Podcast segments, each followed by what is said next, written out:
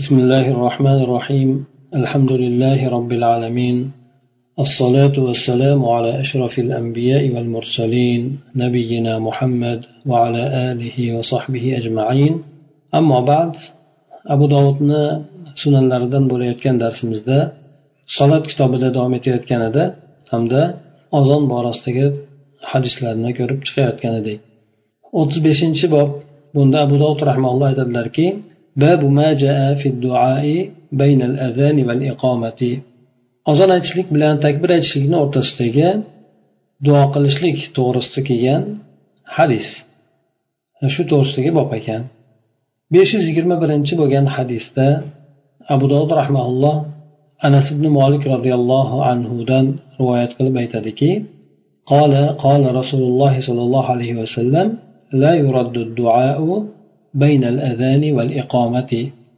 رسول الله صلى الله عليه وسلم aytdilarki ozon bilan takbir aytishlikni o'rtasidagi bo'lgan duo rad qilinmaydi ya'ni qaytarilmaydi alloh taolo uni ijobat qiladi degan mazmundadir demak bu hadis inson o'sha ozondan keyin to takbirigacha takbir aytishlikkacha bo'lgan muddatda bir qulay bir fursat bo'lar ekanki duo qilishligiga mana shu paytda payg'ambar alayhissalom demak insonlarni duo qilishlikka targ'ib qilyaptilar.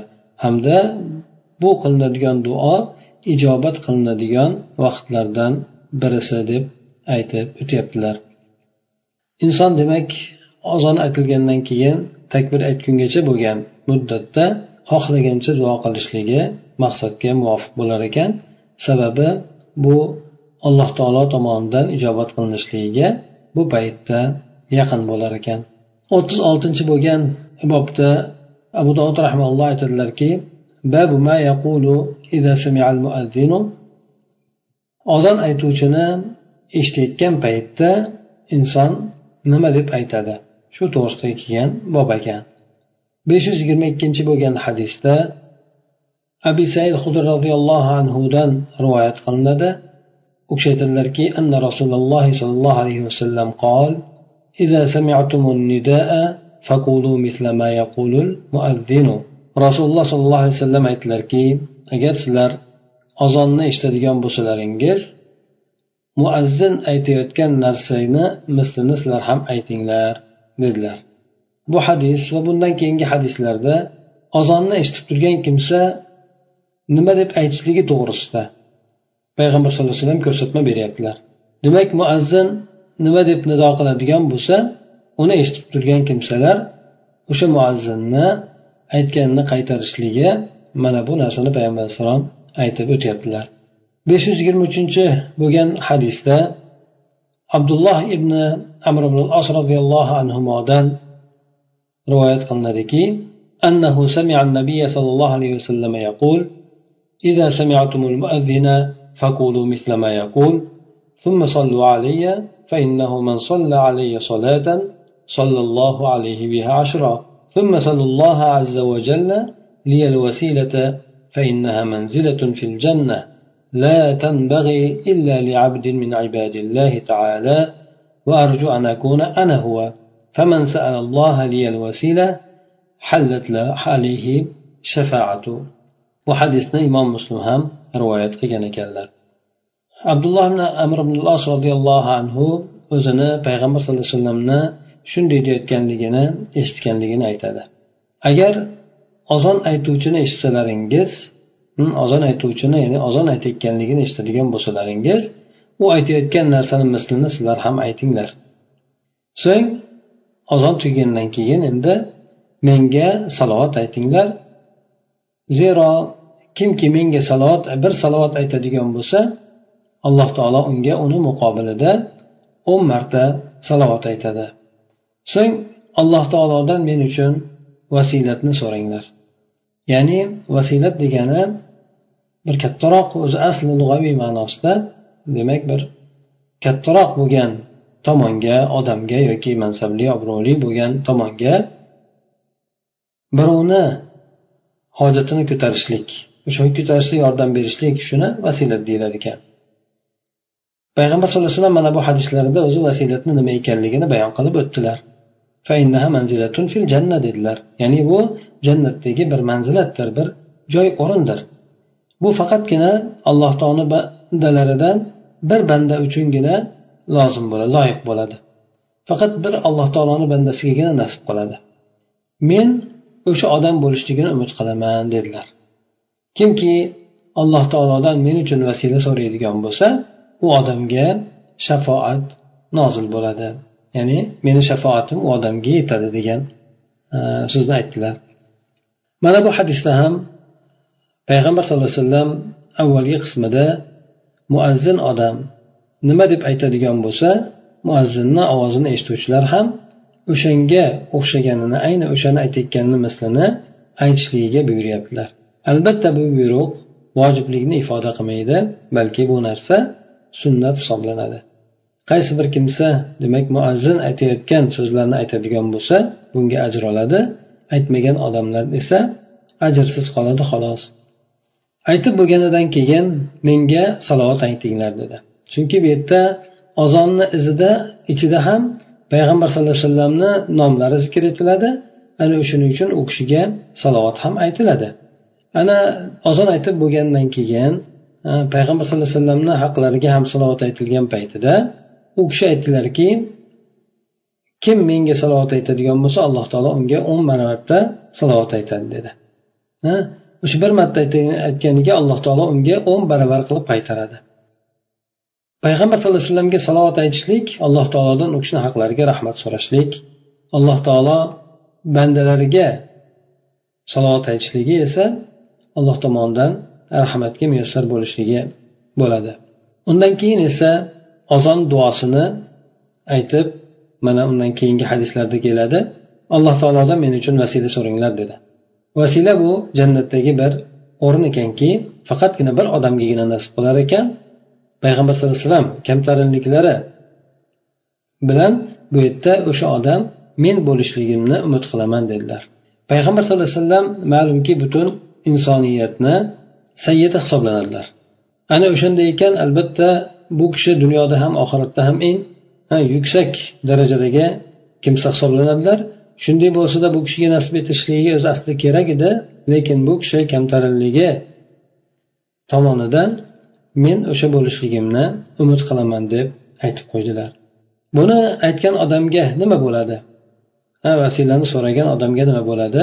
Buni ham payg'ambar sallallohu alayhi vasallam qoldirmadilar aytdilarki kim men uchun alloh taolodan vasilatni so'raydigan bo'lsa u bandaga u kimsaga shafoatim tegadi dedilar. Ya'ni payg'ambar sallallohu alayhi vasallamni shafoatlari o'sha so'raydigan odamlarga inshaalloh qiyomatda nasib qiladi.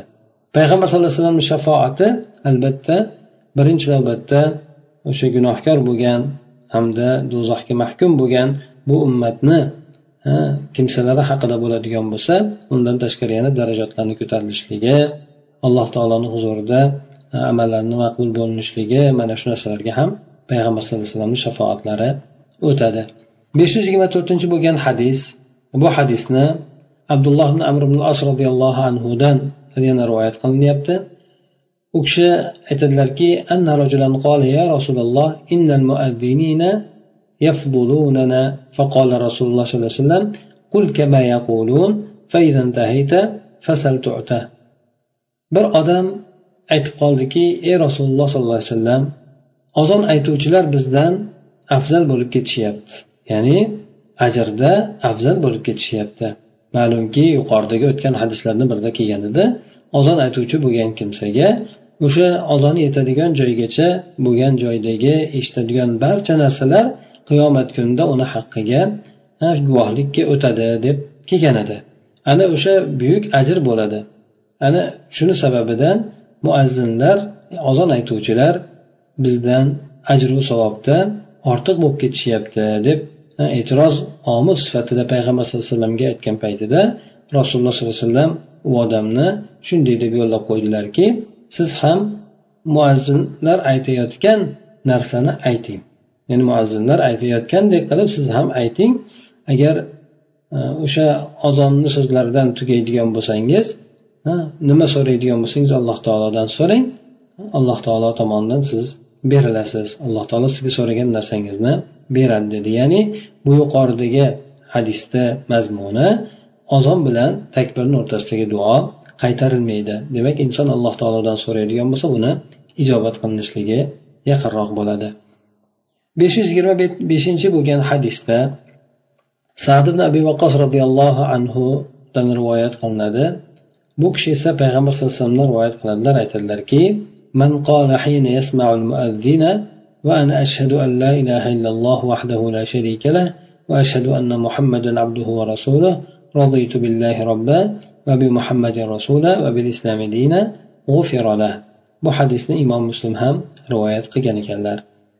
Rasululloh sollallohu alayhi vasallam aytadilarki kim ozon aytuvchini ozon aytishligini eshitayotgan paytida men ham ya'ni shahodat kalimasini ozon aytuvchi aytayotgan paytida men ham alloh taolodan boshqa iloh yo'q ekanligiga guvohlik beraman. U yakkay u zot yakkay yolg'izdir. Hech qanaqangi sherigi yo'q. Yana muhammad sollallohu alayhi vasallam alloh taoloni bandasi va rasuli deb guvohlik beraman. Yana allohga robbim deb muhammad sallallohu alayhi vasallamga payg'ambar deb islomni esa dinim yoki din deb rozi bo'ldim. Deb aytadigan bo'lsa bu odamni gunohlari kechiriladi dedi. Muazzinga ergashib turib u aytayotgan so'zlarni aytishlik albatta muazzin aytadigan so'zlar yaxshi so'zlar tavhid so'zlari. Ana o'shalarga inson o'zini ham beparvo bo'lmagan holatida loqayd o'tirmagan holatida ozonga ozondagi mazmunlarga o'zini ham sherik ekanligini guvoh berishligi insonni mana bunday mukofotga ya'ni alloh taolo uni gunohini kechirishligiga sabab bo'lar ekan yana buni boshqa bir rivoyat yo'lida keladiki oysha onamizdan rivoyat qilingan hadis ekan besh yuz yigirma oltinchi bo'lgan hadisda أن رسول الله صلى الله عليه وسلم كان إذا سمع المؤذن يتشهد قال وأنا وأنا رسول الله صلى الله عليه وسلم agar ozon aytuvchini shahodat kalimasini aytayotganligini eshitib qoladigan bo'lsalar men ham men ham deb payg'ambar sallallohu alayhi vasallam aytib turardilar deydi ya'ni o'sha yerda alloh taoloni yakka yolg'iz iloh ekanligiga guvohlik beraman deb ashhadu an la ilaha illalloh deb aytadigan bo'lsa va ashhadu anna muhammad rasululloh deb aytadigan bo'lsa men ham o'sha narsalarga guvohman men ham o'sha narsalarni ta'kidlayman deb payg'ambar sallallohu alayhi vasallam men ham men ham deb aytib turardilar ekan. Demak inson bir so'zni aytadigan bo'lsa o'zini ham o'sha so'zni tasdiqlovchi ta'kidlovchi sifatida men ham deb turishligi o'sha aytuvchi bo'lgan odamni hukmini olar ekan besh yuz yigirma yettinchi bo'lgan hadisda umar ibn hattob roziyallohu anhudan rivoyat qilinadi u kishi aytadilarki anna rasululloh sollallohu alayhi vasallam qol إذا قال المؤذن الله أكبر الله أكبر فقال أحدكم الله أكبر الله أكبر وإذا قال أشهد أن لا إله إلا الله قال أشهد أن لا إله إلا الله فإذا قال أشهد أن محمد رسول الله وقال أشهد أن محمد رسول الله ثم قال حي على الصلاة. قال لا حول ولا قوة إلا بالله. ثم قال حي على الفلاح. قال لا حول ولا قوة إلا بالله. ثم قال الله أكبر الله أكبر. قال الله أكبر الله أكبر. ثم قال لا إله إلا الله. قال لا إله إلا الله. من قلبه دخل الجنة. Bu hadisni imom muslim ham rivoyat qilgan ekan.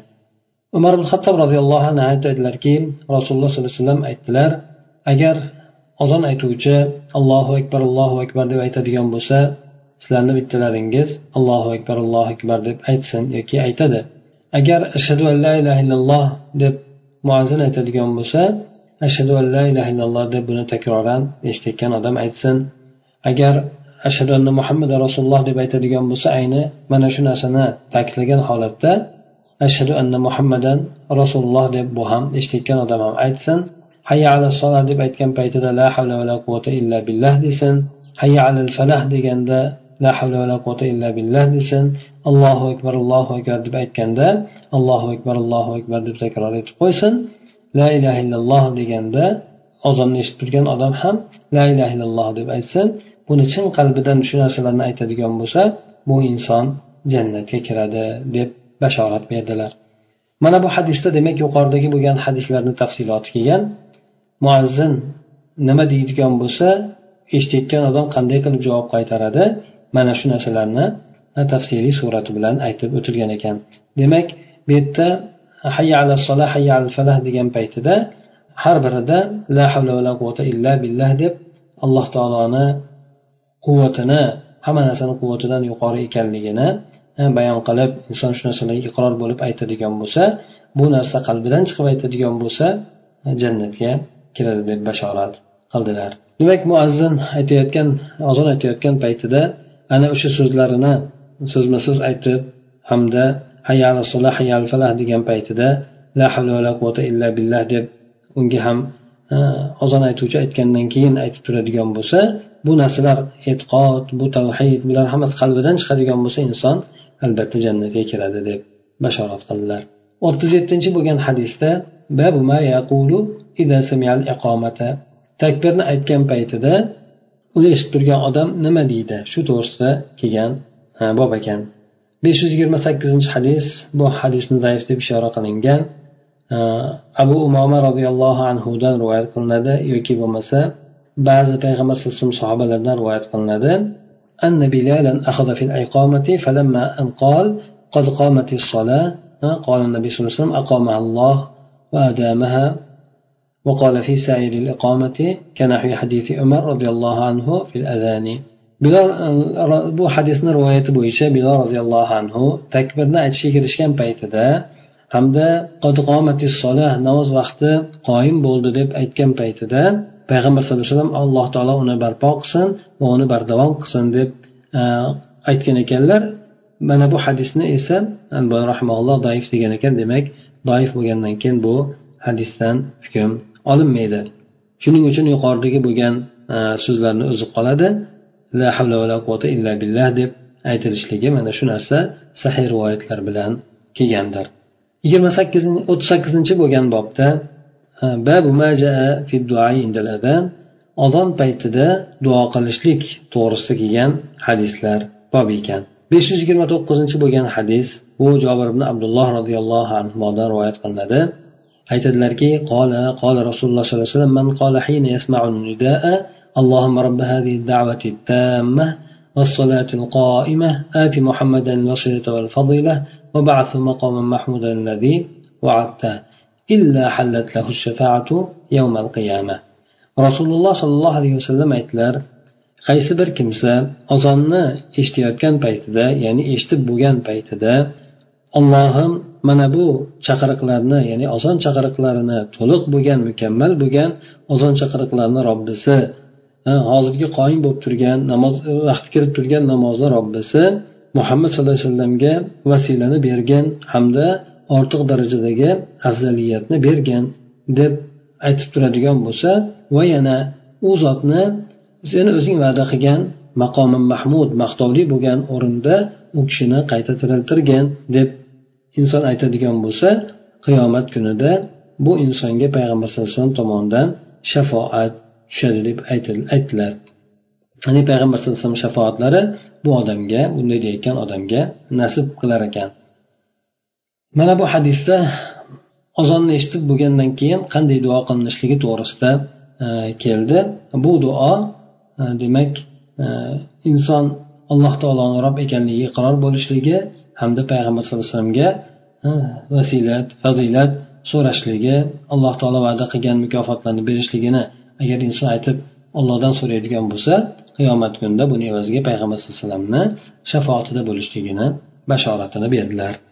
O'ttiz to'qqiz endi albatta buni ba'zi ziyodalari bor. Ba'zilar aytadiganda ziyodalarni aytilmagani ma'qulroq chunki o'sha sahiy rivoyatni o'ziga suyanilishligi hamda bunga ortiqcha qo'shimchalarni qo'shilmaganligi mana shu ma'qulroq bo'ladi. hop o'ttiz to'qqizinchi bo'lgan hadisda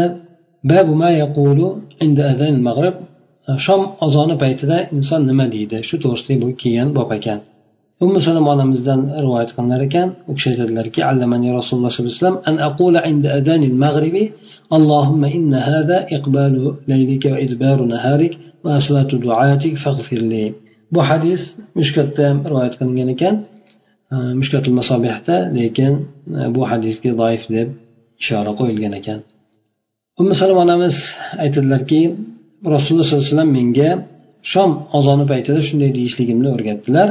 Allohim bu kechangni iqbol qilishligi kunduzingni ketishligi hamda senga nido qiluvchi odamlarni ovozlari ya'ni ozon chiqarayotganlarni ovozlari e, meni gunohimni kechirgin deb shunday deb aytishlikni ummu salom onamizga o'rgatardilar deydi bu hadis demak zaif bo'lganligi uchun bunday duo qilishlik yoki bu rivoyat e'tiborga olinmaydi qirqinchi bo'lgan hadisda babu ozon aytishlikka ajr olishlik endi ya'ni kira olishlik to'g'risida kelgan bob ekan besh yuz o'ttiz birinchi bo'lgan hadisda bu hadisni usmon ibn abil oston rivoyat qilinadi u kishi aytadilarki قال قلت وقال موسى في موضع آخر إن عثمان بن عاص قال يا رسول الله اجعلني إمام قومي قال أنت إمامهم واقتد بأضعافهم بأضعافهم واتخذ مؤذنا لا يأخذ على أذانه أجرا imom muslim ham buni rivoyat qilgan ekan faqatgina so'zisiz rivoyat qilgan ekan demak usmon ibn abil osdan rivoyat ekan u kishi aytadilarki ey rasululloh meni qavmimni imomi qilib qo'ysangiz ya'ni qavmimga imom qilib qo'ysangiz deb so'raganida payg'ambar sallallohu alayhi vasallam aytdilarki siz ularni imomisiz dedilar ularni eng zaiflariga ergashing va hop aytayotgan ozoniga kira olmaydigan muazzinni qilib oling deb aytdilar. Siz imomisiz ularni zaiflarga ergashing degan so'zini ma'nosi demak payg'ambar sallallohu alayhi vasallam u kishi so'ragandan keyin u kishini so'ziga iqror qildilar. Buni qabul etdilar. Ya'ni siz imom bo'lasiz ularga deganda hamda endi u kishini yo'llab qo'ydiki bularni odamlarni zaifrog'iga e'tibor bering. Ana o'shalarga ergashing dedi. Ya'ni imom bo'layotgan paytda imom qanchalik muddatda namozni o'qiydi uzun qisqaligi mana shu narsalarda asosan zaif bo'lgan kasal bo'lgan ojiz bo'lgan yoshi qari bo'lgan odamlarni rioya qilishligini payg'ambar sallallohu alayhi vasallam buyuryaptilar. Hamda aytayotgan ozoniga kira olmaydigan muazzinni olinglar dedi. Hop ozon aytishlik to'g'risida ozon aytib inson aytayotgan ozoniga pul olsa bo'ladimi yoki yo'qmi kira olsa bo'ladimi yoki oylik olsa bo'ladimi yoki yo'qmi degan masalada olimlar ixtilof qilgan ekan. Jumhur olimlar e, bu muazzin odam agar behojat bo'ladigan bo'lsa aytayotgan ozoniga kira olishligi makruh deb sanashgan ekan. Ba'zilar bunga ruxsat berishgan ekan agar ehtiyoj bo'ladigan bo'lsa hamda uni baytil moldan beriladi deb e, ko'rsatib o'tishgan ekan. Aytayotgan muazzin demak uncha oshiqcha ish qilmaydi. agar boshqa tomondan uni ta'minoti bo'ladigan bo'lsa aytayotgan ozoniga kira olmasligi ma'qul bo'lar ekan qirq birinchi bo'lgan bobda keladiki vaqt kirishligidan oldin ozon aytishlik to'g'risidagi bob ekan besh yuz o'ttiz ikkinchi bo'lgan hadisni abdulloh ibn umar roziyallohu anhudan rivoyat qilinadi u kishi aytadilarki أن بلالا أذن قبل طلوع الفجر فأمره النبي صلى الله عليه وسلم أن يرجع فينادي ألا إن العبد قد نام ألا إن العبد قد نام زاد موسى فرجع فنادى ألا إن العبد نام ibn umar roziyallohu anhuni anhumoni aytgan so'zlariga ko'ra bilol roziyallohu anhu tong otishligidan oldin ozon chaqirdilar payg'ambar sallallohu alayhi vasallam u kishini qaytib ozonni yani qaytadan aytishligini buyurdilar va yana ogoh bo'linglar banda ya'ni uxlab qolibdi banda uxlab qolibdi deb ziyoda qo'shib qo'yishligini payg'ambar sallallohu alayhi vasallam buyurdilar. Musoni rivoyatida bu yerda qod degan so'zni keltirib o'tilmayapti. Bomdod namozi kirishligidan oldin ozon aytishlik to'g'risida olimlarni ixtilofi bor ekan. Jumhur olimlar buni joiz deb aytishadi. Ya'ni bu bomdod namozi vaqti kirishligidan oldin go'yoki bir tahajjudga yoki saharlikka ozon aytilgani kabi ozon aytiladi. Ana undan keyin bomdod vaqti kirishligida ozon aytishligi yana kerak bo'ladimi yoki bo'lmasa o'sha birinchi vaqt kirishidan oldingi aytilgan ya'ni tahajjudga aytilgan ozon bu bomdod namoziga ham kifoya qilaveradimi degan mazmunda olimlar ixtilof qilishgan ekan. Bulardan aytib o'tilgandek jumhur olimlar joiz deb aytishgan ekan. Abu hanifa hamda boshqa bir e, zohiriy mazhabidagilar imom muhammad bular ham bomdod namozi vaqtidan oldin ozon aytib bo'lmaydi deb bular aytishgan ekan. Imom buxoriy esa shunisiga moyil bo'lgan ekanlarki agar ikki marta ozon aytiladigan bo'lsa unda bomdod namozi vaqtidan kirishligidan oldin ozon aytishlik mumkin. Lekin agar o'sha ozonni o'ziga kifoyalanib bomdod vaqti kirgan paytida namoz ozon aytilmay ozon aytilmay qo'yilsa bo'laveradi deb ko'riladigan bo'lsa bunda joiz bo'lmaydi deb aytgan ekanlar. Buni yana payg'ambar sallallohu alayhi vasallamni boshqa bir e, hadislarda keladi. E, Ramazon borasida aytgan hadislari bilol roziyallohu anhu ozon aytadigan bo'lsa yeb ichaveringlar. Abdulloh ibn umi maktum ozon aytadigan bo'lsa unda tiyininglar deb payg'ambar sallallohu alayhi vasallam aytganlar. Mana bu yerda ham ikkita ozonni bayon qilib o'tgan lekin bu yerda e, ikki birinchisini o'ziga kifoyalanmayapti ikkinchisini ham aytib qo'yilyapti. Mana shunga ko'ra ozon vaqti bomdod vaqti kirishligidan oldin ozon aytsa bo'ladi lekin agar ba'zi mana ba'zi masjidlarda bor ikki marta ozon aytiladi. Agar ikkinchi martaga ham aytiladigan bo'lsa unda e, birinchisi bilan e, bomdod vaqti kirishligidan oldin aytsa bo'laveradi. Agar endi faqatgina bitta ozon aytiladigan bo'lsa bunda bomdod namozi vaqti kirgandan keyingina aytishligi kerak bo'ladi. Payg'ambar sallallohu alayhi vasallamdan bu hadis aytilgan paytida ozon ikkita bomdoddan oldin yana bir ozon aytishlik e, bo'lmagan paytida bilol roziyallohu anhuni o'zlarigina ozon aytadigan e, paytlarida aytilgan ekan. Bu yerda banda uxlab qolibdi deb nido qilib qo'yilishligini sababi inson uxlab qolibdi degan ma'nosi ba'zida g'aflatda qolgan ma'nosi deganni e, ham ifoda qilar ekan. Shundan demak inson g'aflatda qolib tong otishganligini ajratolmay qolganligi. Ana o'shani jihatidan namozdan oldin bo'lib qolgan bu ozon vaqti ozon aytishlik shuningdek o'sha ozon vaqti kirib bo'lgandan keyin qaytadan aytib qo'yishlikka payg'ambar alayhissalom buyurdilar. Undan keyingi bo'lgan besh yuz o'ttiz uchinchi bo'lgan hadisda nofiydan rivoyat qilinadiki bu kishi al umar umar roziyallohu anhuni masruh deb ataladigan bir muazzini bo'lgan ekan. bu odam bomdod namozi vaqti kirishligidan oldin ozon aytib qo'ygan ekan. Umar roziyallohu anhu uni qaytadan ozonni aytishlikka buyurgan ekanlar. besh yuz o'ttiz to'rtinchi bo'lgan hadisda bilol roziyallohu anhudan rivoyat qilinadi. U kishi aytadilarki anna rasululloh sollallohu alayhi vasallam la tuazin hatta yastabina ardon. Rasululloh sollallohu alayhi vasallam u kishiga aytdilarki siz tong otganligi sizga aniq ravshan bo'lmagunigacha ozon aytmang dedilar. Mana shunday aniq ravshan bo'lmagunigacha ozon aytmanglar dedilarda qo'lini keyin kenglik bo'yicha ufq tomonga qarab cho'zib qo'ydilar. Ya'ni bomdod namozi vaqti kirishligi ikki xil bo'ladi tong otishligi ikki xil bo'ladi subhi kozib subhi sodiq degani. Subhi kozib inson tikka tomondan osmonni o'rtasiga qarab uzunligi bo'yicha e, bir yorug'lik tushadi. Bu subhi kosib deb aytiladi ya'ni yolg'on ekan bu subh tongotganlik go'yoki tongotganga o'xshab ketadi. Ana undan keyin esa yana bir qorayib turib keyin ufq bo'yicha yoyiladi yorug'lik. Ana o'sha haqiqiy bomdod vaqti kirganligini ifoda qiladi.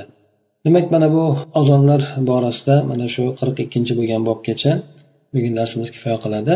Subhanakallohumma va bihamdik nashhadu an la ilaha illa anta nastag'firuka va natubu ilayk. اللهم انفعنا بما علمتنا وعلمنا ما ينفعنا وزدنا علما.